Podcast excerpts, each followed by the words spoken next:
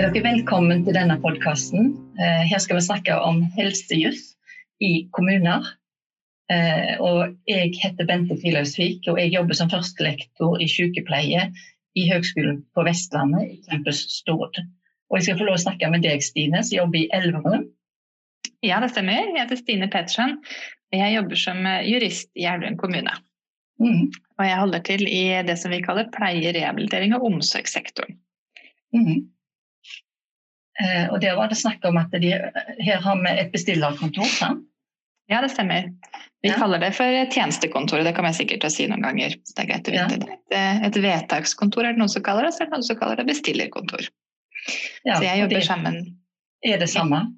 Det er det samme. Det er nok litt ulikt eh, lagt opp i mange kommuner. og Det står jo kommunene fritt til å organisere sånn som de vil selv. Men hos oss er det da meg og eh, en leder, og så er det noen sykepleiere og en vernepleier bl.a. Og vi har eh, også vi har eh, flere saksbehandlere på ulike områder. Og så har vi kreftkoordinator og sykepleier i kreftomsorg og eh, individuell plankoordinator. Som jobber inne i bestillerkontoret, alle de? Stemmer. Ja. Mm -mm. For jeg husker jo når jeg jobba i psykiatritjenesten i en kommune tidligere, Eh, så eh, lagde jeg vedtak når jeg satt i den stillingen. Eh, mm. Det var vel Jeg vet ikke om de hadde et tjenestekontor på det tidspunktet. Det, det må en kanskje ikke ha? Nei, det må man jo ikke ha. Noen, det kan vi si litt mer enn senere også, men det, noen kommuner har jo ikke det. Noen syns kanskje de er for små. Og da er det jo gjerne organisert sånn ute i drift, som du sikkert opplevde da. At, mm. at kanskje du holdt på med med det du tenker på som faget ditt. det gjorde jeg jo. Ja, Med pasientkontakt og pårørendekontakt og medisiner og senger og det som, eh, alt det det innebærer. Eh, og så I tillegg så ble du pålagt en oppgave ved siden av som du kanskje syntes var litt sånn Kanskje du ikke kjente det godt nok til regelverket på den, kanskje du følte at det var noe som tok tid fra det ordentlige jobben. Eh, og det var det her å fatte vedtak. Ja, og det er nok mange som opplever ja. ja. Det er nok mange som opplever det. Ja. Mm. Ikke, jeg opplevde nok det på det tidspunktet at jeg hadde ikke nok kompetanse egentlig eh, gjerne til å fatte de vedtakene som jeg gjorde. Sånn at jeg gjorde det på en måte på et faglig grunnlag. At jeg mente at det her er det en person som trenger den mm. tjenesten som vi har. Ja, og så forklarte du sikkert uh, konklusjonen din i det vedtaket. Uh, og, og, gjerne det, det, du mente støtta den konklusjonen. Mm. Så det, det, gjorde du nok samvittighetsfullt etter beste evne. Det får vi håpe. Mm. Ja. ja. Men eh, nå er det jo sånn at det er utrolig mange krav som blir stilt til eh, juridisk eh, hva skal du si, beslutning, beslutningsprosesser i en kommune. Det er veldig mange ting en må ta hensyn til. Det er det. Og du jobber jo med undervisning av sykepleiere til daglig. Jeg, jeg holder jo ikke til i samme område som deg. Vi har en høyskole i Gjerdrum som utdanner sykepleiere. Mm. Og eh, vi får studenter derfra i kommunen. Da har jeg passa på at hver gang vi har det, så er jeg ute og snakker med dem eh, en gang i løpet av praksisen. Eh, og da gjerne de som er på tredjeårskullet. Og jeg pleier alltid å starte med å spørre har dere hatt noe juss på studiet. Eh, og veldig varierende svar. Eh, mm. Noen ganger så sier de at ja, vi har vel et fag som heter juss. Noen ganger nevner de etikken. Og det er kjempefint at det, at det er med. Eh, og noen ganger er de veldig gode på det og snakker om samtykkekompetanse og tvang og sånn. Eh, så det varierer veldig. Men eh, alle sammen, tror jeg, alle de gangene jeg har hatt det i samtalene, så har de sagt etterpå at, at jeg skulle ønske vi hadde mer av det. Mm -hmm. Fordi at de ser jo at når man kommer ut i yrket som sykepleier, så vil man jo komme borti situasjoner der man føler seg utrygg. Sikkert faglig òg, men også det med at man ikke at man står godt og trygt i faget sitt, men man syns jussen gjør det vanskelig. Kanskje, er det noen, på, ja. Kanskje er det noen pårørende som, som setter deg i en vanskelig situasjon. Eh, her, kanskje her kommer en advokatsønn, og så sier han sånn og sånn kan vi ikke ha det. Og, og så, ja, så, blir man usikker. Mm. Eh, det syns jeg er synd, hvis man skal, skal, oppleve at det gjør det vanskelig å stå i jobben, da, når faget i seg selv egentlig er god. Ja. Det, det, men det er jo det er nok ikke det at det, ikke det, at det har vært uh, lite uh, undervisning om juss heller, men det er kanskje det at en ikke har klart å skille helt imellom mm. hva er det som er hva her. Uh, for studentene lærer jo veldig tidlig dette om taushetsplikt, f.eks. Mm. Det er jo et krav, et, det er et lovkrav. sant? Mm. Og så videre om ulike forsvarlighetsprinsipp Mm. i tjenestene. Hva er Ja, egentlig en forsvarlig tjeneste? Hva er en forsvarlig eh, behandling i denne situasjonen? Jeg har jo hørt en podkast som du hadde tidligere om det med forsvarlighetsprinsippet. Der hører man at det er masse juss i forsvarlighetsprinsippet, Mm. eller forsvarlighetskravet. Eh, Så det er helt riktig. Det er veldig mye juss som nok blir smøget inn eh, i studiet ellers også. Og Det er nok grunnen til at jeg får så varierende svar på det, for at noen har identifisert at det er juss, og andre ikke. Ja. Mm. Så, men det er nok greit å være klar over at når man begynner å jobbe hvis man begynner å jobbe som sykepleier i kommunehelsetjenesten, da, Mm. så er man jo del av, eh, av en, måte, en rettslig virkelighet også. Man er en del av den offentlige forvaltningen. Mm. Eh, og det man gjør, er et resultat av at noen har hatt en rett på en tjeneste, og kommunen har hatt en plikt til å yte en tjeneste, eller til å tilby en tjeneste. Mm. Eh, så da er man en del av eh, forvaltningen og, og et rettsbilde som man kanskje ikke kjenner så godt til i det daglige, og det skal man ikke trenge heller. Men det kan være greit å vite om. Det jeg kanskje vet eh, en del om, er gjerne at eh, pasientrettighetene tilsvarer eh, helsepersonells plikter. Mm. Og de to henger jo sammen. Ja, det gjør det. Og så er det litt artig eh, det med at jeg alene som jurist kan egentlig ikke ta så mange vurderinger i helsejussen, fordi at man lener seg så tungt på den helsefaglige kompetansen. Eh, Mhm. så, og den sitter jo Det er jo det samme som altså om man skal sitte som saksbehandler og være sykepleier og, og bruke sin helsefaglige kompetanse og skrive et vedtak om hva man har rett på av tjenester, det ligner egentlig litt på det man gjør når man er ute hos pasient og vurderer hva er det du har behov for nå, hva er det jeg observerer hos deg, hva, hva kan jeg sette inn av tiltak. Mm. Det, det er mye den samme vurderingen, men man knytter det opp til to forskjellige ting. Man knytter det til det praktiske man skal gjøre der, eller man knytter det opp mot lovverket. Har du rett på hva skal du få i så fall, hvordan skal jeg skrive vedtak. Mm. Mm. Og det er jo veldig Hva skal jeg si Da jeg starta å jobbe innenfor helse, så ble jeg jo imponert over altså, På den ene siden så er det et ganske sånn vidt åpent regelverk. Vi snakker om at hva er nødvendig for deg? Det er egentlig det som er grunnspørsmålet i, i all helsejussen. Hva Mm. trenger du? Eh, som jurist er det, på en måte, det ikke veldig mange vilkår å henge det på. Men samtidig så er det også et regel, så vi har veldig stor tillit til helsepersonell. Det må vi ha, og det har vi. Og det viser regelverket. En enorm tillit til at helsepersonell tar den beste vurderingen de kan i den situasjonen de står i. Eh, og så tar vi høyde for det i ettertid også. Vi driver ikke og sier eh, vi er ikke etterpåkloke i den forstand at hvis du hadde visst det og det, så skulle du gjort det annerledes. Eh, Så den tilliten gjennomsyrer veldig. Men så er det jo i tillegg et regelverk fylt av veldig høye forventninger. Mm. F.eks. det her med at eh, den kommunale helse- og omsorgstjenesten skal jo være forsvarlig.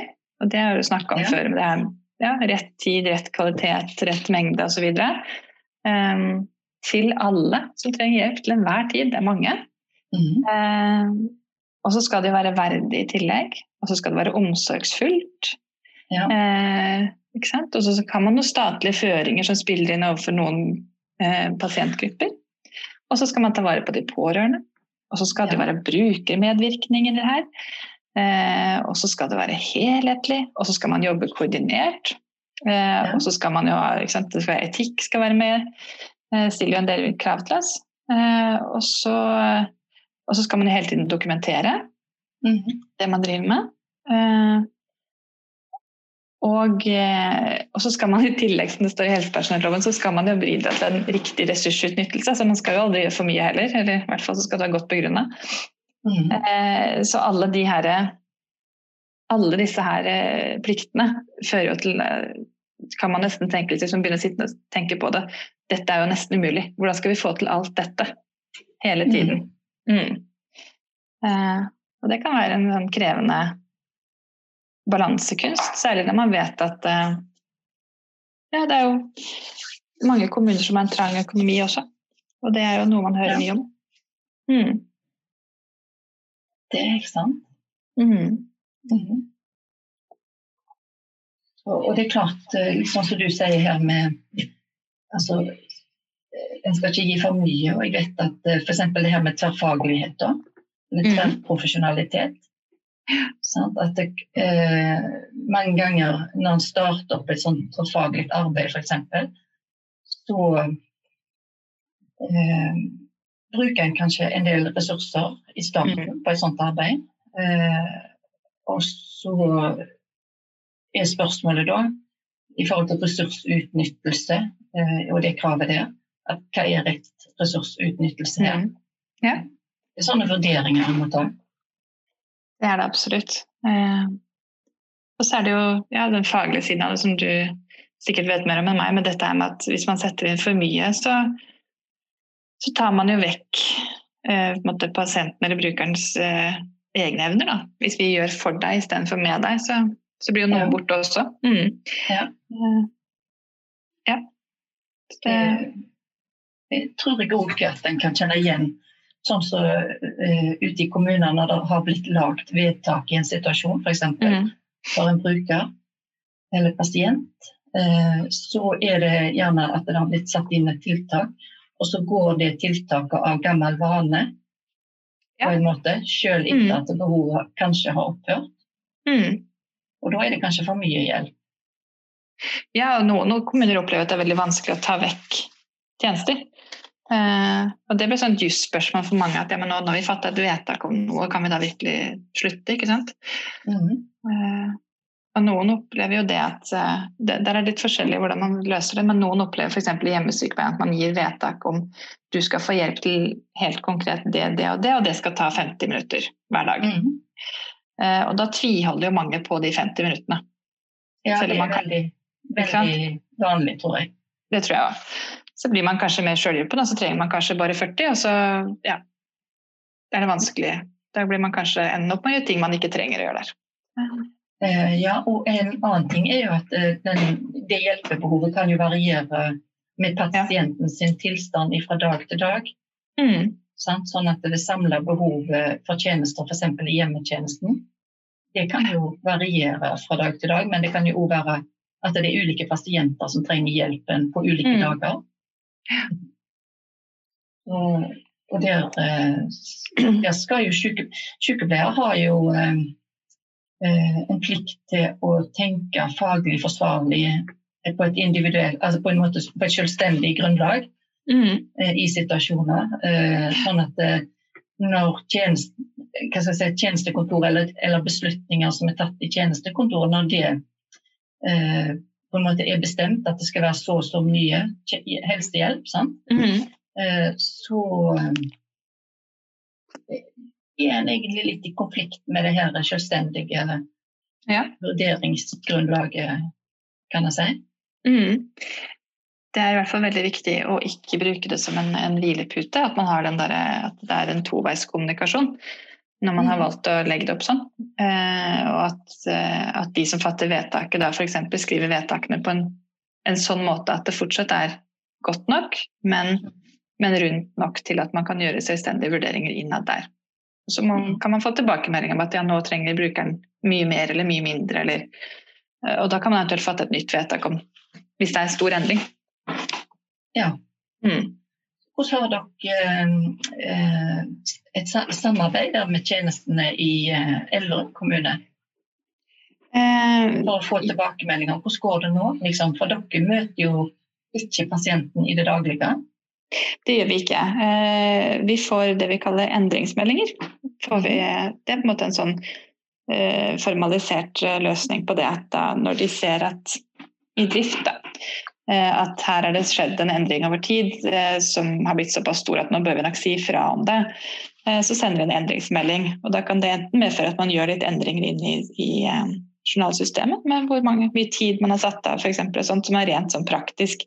Det skal ikke brukerne egentlig trenge å bruke, seg- eller tenke så mye over, for det er mer sånn praktisk når vi lager arbeidslisten og hvor mye tid man beregner Mm. Per rute, f.eks. i hjemmesykepleien. Eller så kan det føre til at man tar en ny vurdering. eh, At, eh, at saksbehandler kanskje reiser ut på hjemmebesøk, det gjør vi jo stort sett alltid i nye saker. eh, Og tar en ny vurdering og snakker med den det gjelder. Hva, hva syns du nå, hvordan opplever du den hjelpa du får? Er det noe mer du ønsker, er det noe mindre du ønsker, osv.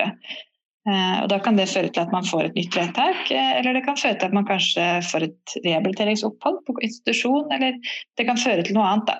Så, mm. Så det at hjemmesykepleien på en måte over tid har gitt stadig mer bistand, kan enten føre til at man får et vedtak om mer bistand, eller at man kanskje får noe annet. Da. Ja. En tar nye vurderinger, rett og slett. Rett og slett. Mm. Sånn som når dere fatter vedtak eh, i bestillerkontoret deres, tjenestekontoret deres. Eh, hvordan er de faglige eh, samtalene der da? Du, for du, du, nevnte at det var noen ulike instanser eller faggrupper, profesjoner, som var inne mm. i tjenestekontoret. Og noen av de jobber kanskje som ledere i avdelinger? Nei, ikke hos oss. Det gjør de ikke, nei. men, eh, men, det er jo litt sånn Det er litt interessant fordi at man kan jo legge det opp sånn. Eh, ja. Det har noen kommuner valgt å gjøre. Mm um, og Tidligere så hadde vi psykisk helse i en annen sektor hos oss, og de hadde valgt en annen løsning. Uh, der var det teamledere som hadde et sånt fagansvar. Uh, I tillegg så jobba de som saksbehandlere. Ja. Uh, hadde de, en, de, hadde færre saker per år enn det vi har samla sett på hele tjenestekontoret. Eh, men de opplevde jo likevel at Litt sånn som det vi snakka om i starten, at man blir sittende med på kveld og helg da, med saksbehandlingen. Og så har man eh, teamlederjobben i kontortid og til vanlig. Eh, og det, det er å underkjenne hvor viktig saksbehandlingen er, da, tenker jeg. At man mm. velger sånne løsninger der det er en, sånn, en liten del av en større stilling. Så nå har, de, nå har vi en kanskje to snart, saksbehandlere på psykisk helse på tjenestekontor som jobber kun med saksbehandling. Mm -hmm. så da har vi fått inn det, den fagbakgrunnen òg. Kjempefint. Mm vi har jo organisert oss sånn hos oss at vi har skilt drift og, eh, og vedtakskontor ganske strengt. Det er ingen ja. som jobber i drift som også jobber på tjenestekontoret. Mm -hmm. og det har vi gjort litt fordi at det er veldig vanskelig å sitte og, og skulle balansere den herre ja, jeg må passe på at jeg har nok ansatte, jeg må ikke slite ut de jeg har. Jeg må tenke på pasientene mine, jeg må tenke på fagutvikling.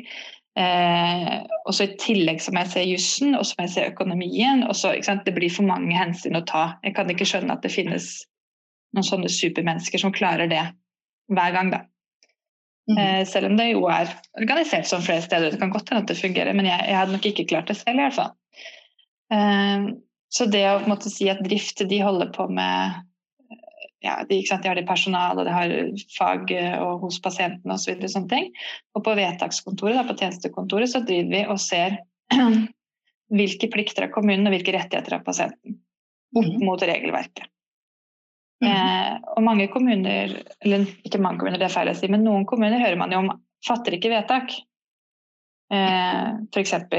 Det har vi jo eksempler på der Fylkesmannen har vært helt fortvilt, eh, og det har vært i medieoppslag, medieoppslag eh, med kommuner som ikke fatter vedtak i, i mange sektorer, fordi at hele måte, det her, rettssikkerheten til brukerne har falt sammen.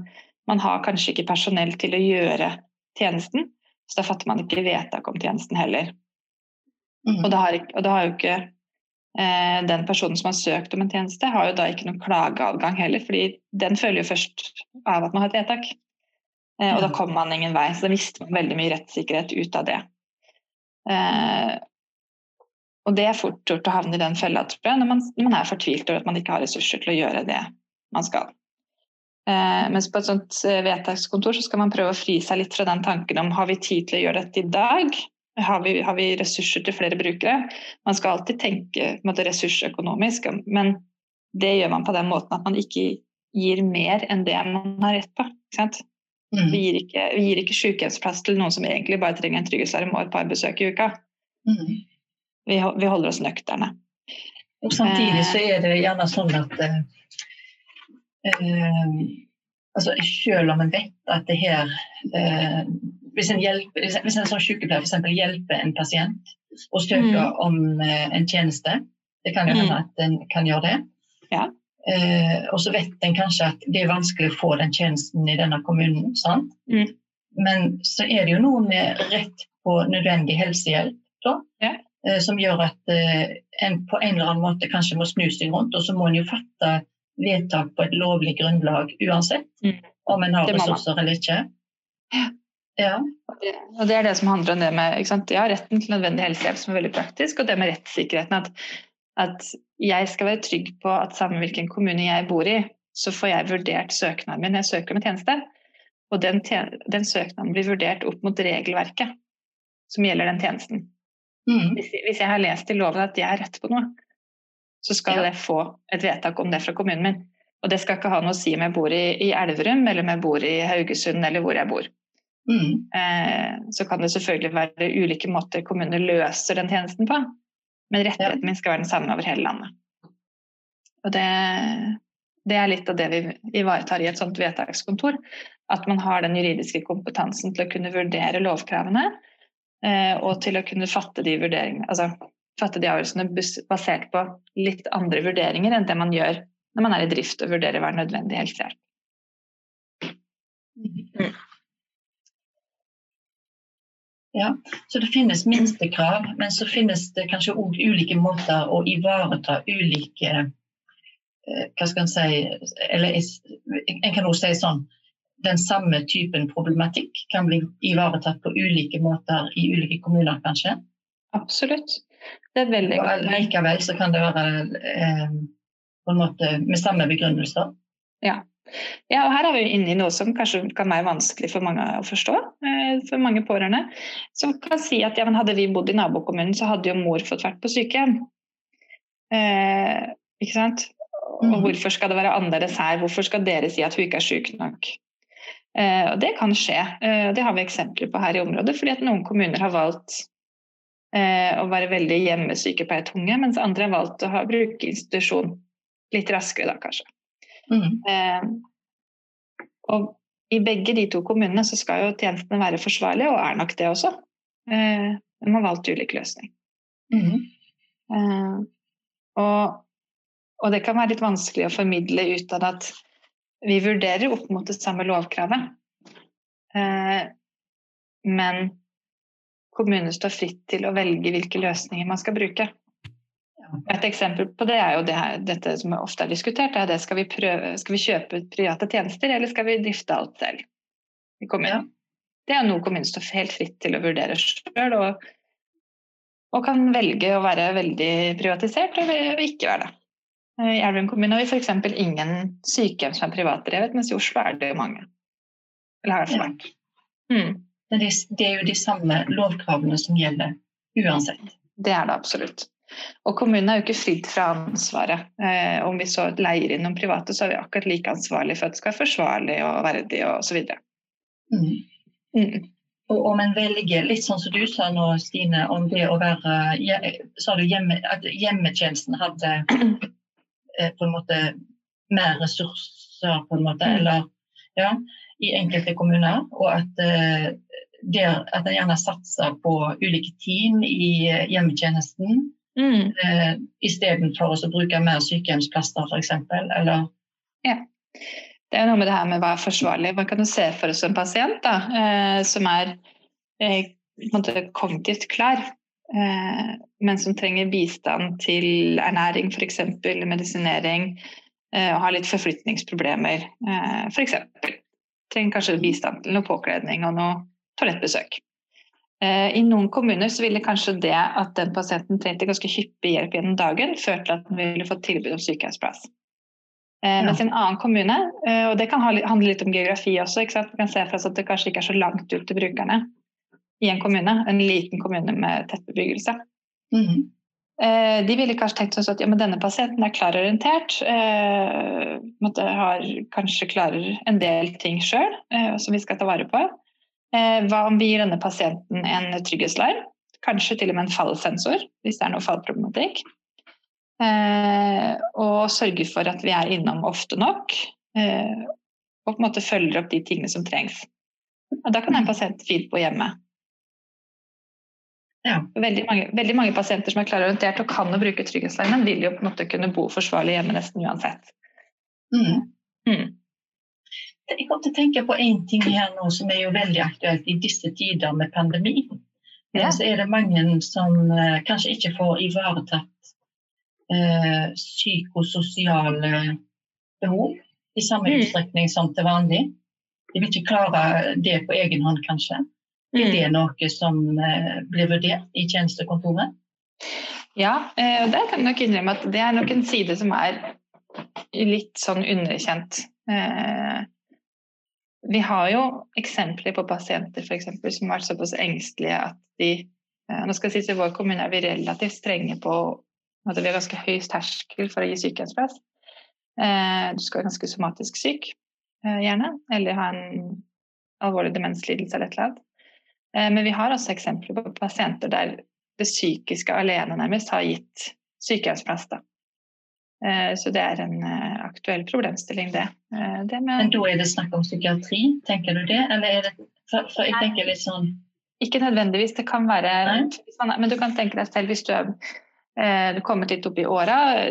Det er mange ting som er vanskelig, men du får fortsatt til å klare deg sjøl for det meste. Du får litt hjelp fra pårørende osv. Eh, men du er engstelig. Kanskje du bor i et stort hus, du mørkt, er alene. Eh, og så blir du alene med tankene dine veldig mye. Ja. Eh, og da har jeg full forståelse for at da blir man altså At det psykisk kan bli litt tungt eh, over tid. Eh, og vi har f.eks. pasienter som utelukkende basert på det har fått plass på sykehjem, fordi at vi ser at de klarer ikke å bo alene. Mhm. Selv om de somatisk kunne klart det. Så det er en, en side av vurderingen, det også. Eh, det er det. Ja, ja, for det er jo ett grunnleggende behov. Det òg. Eller kanskje flere. Det er det absolutt. Mm. Ja. Nei, men det er spennende Masse spennende tanker, egentlig.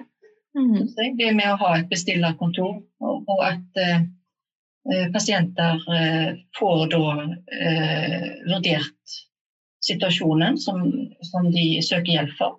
Mm. Og at det, det gjør de òg at de har eh, klagerett Mm. eh, hvis de får avslag på den tjenesten som de søker om, f.eks. Så det er jo eh, kanskje oppsummert veldig viktig i forhold til det å velge å ha et tjenestekontor. Eh, og jeg Absolutt. tenker også sånn, det her med at det nå er en jurist som jobber i tjenestekontoret der du jobber, da. Eh, Mhm. Altså at Ja, at de eh, hvor, lenge har de hatt det? Hvor lenge har du Jeg har vel jobba der en tre år omtrent. Ja. Eh, og hadde de jurister tidligere? Nei, det hadde de ikke. Nei? Um, og det var, det var et ønske. Eh, veldig hyggelig at de på en måte så det behovet og ønska seg det sterkt og fikk det over tid. Eh, fordi at de så i hele sektoren også at det begynte å bli det begynte å bli så mye juss Mhm. i det, og de syntes det var krevende. Og det er veldig mange dyktige ledere og saksbehandlere i, i Elverum eh, som håndterte det, men det tok, tok dem tid. Eh, det var kanskje ikke det de var mest interessert i, altså ikke saksbehandlerne, men, eh, men lederne rundt omkring. Det var kanskje ikke det de på en måte ville bruke tida si på.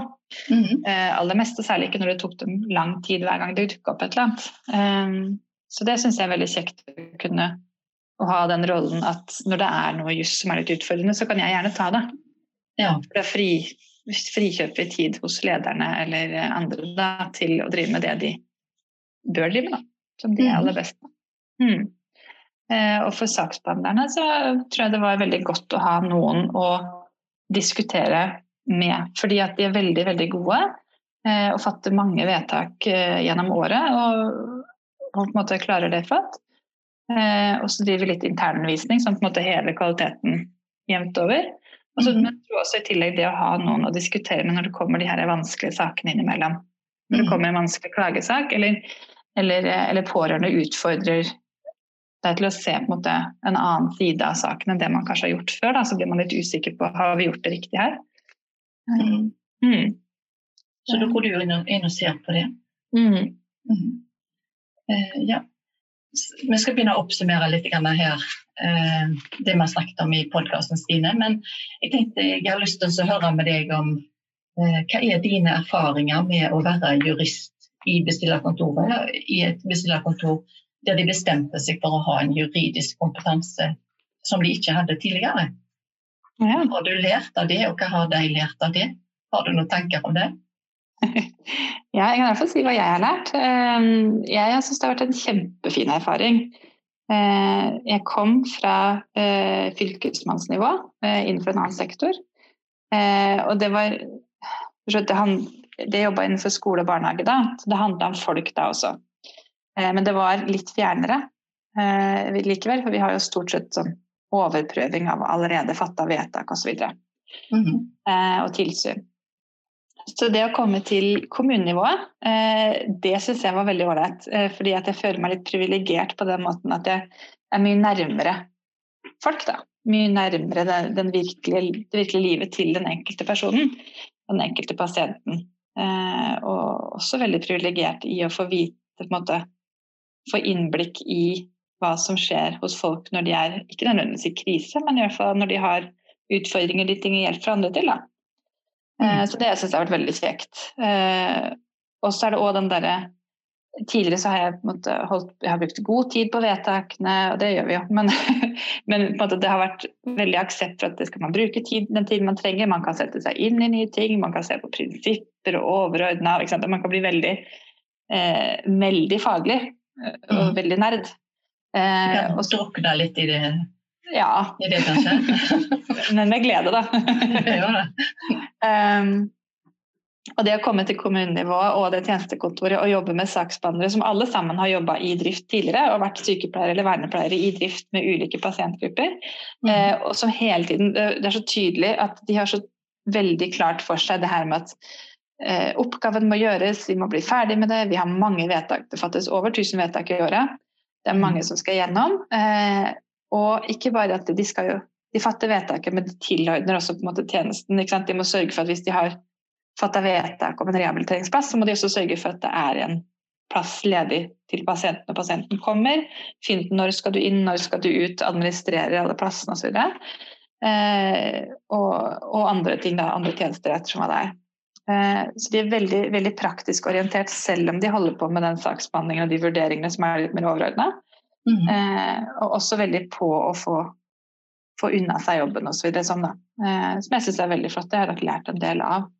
og så hender det at jeg på en måte prøver å holde litt igjen der. Sånn, ja, men vi må likevel ta de vurderingene. Vi må likevel være åpne for å ta de faglige drøftelsene, som, altså jusfaglige drøftelsene i forkant. Mm. Og innimellom tåle å stå i at det tar litt tid, f.eks.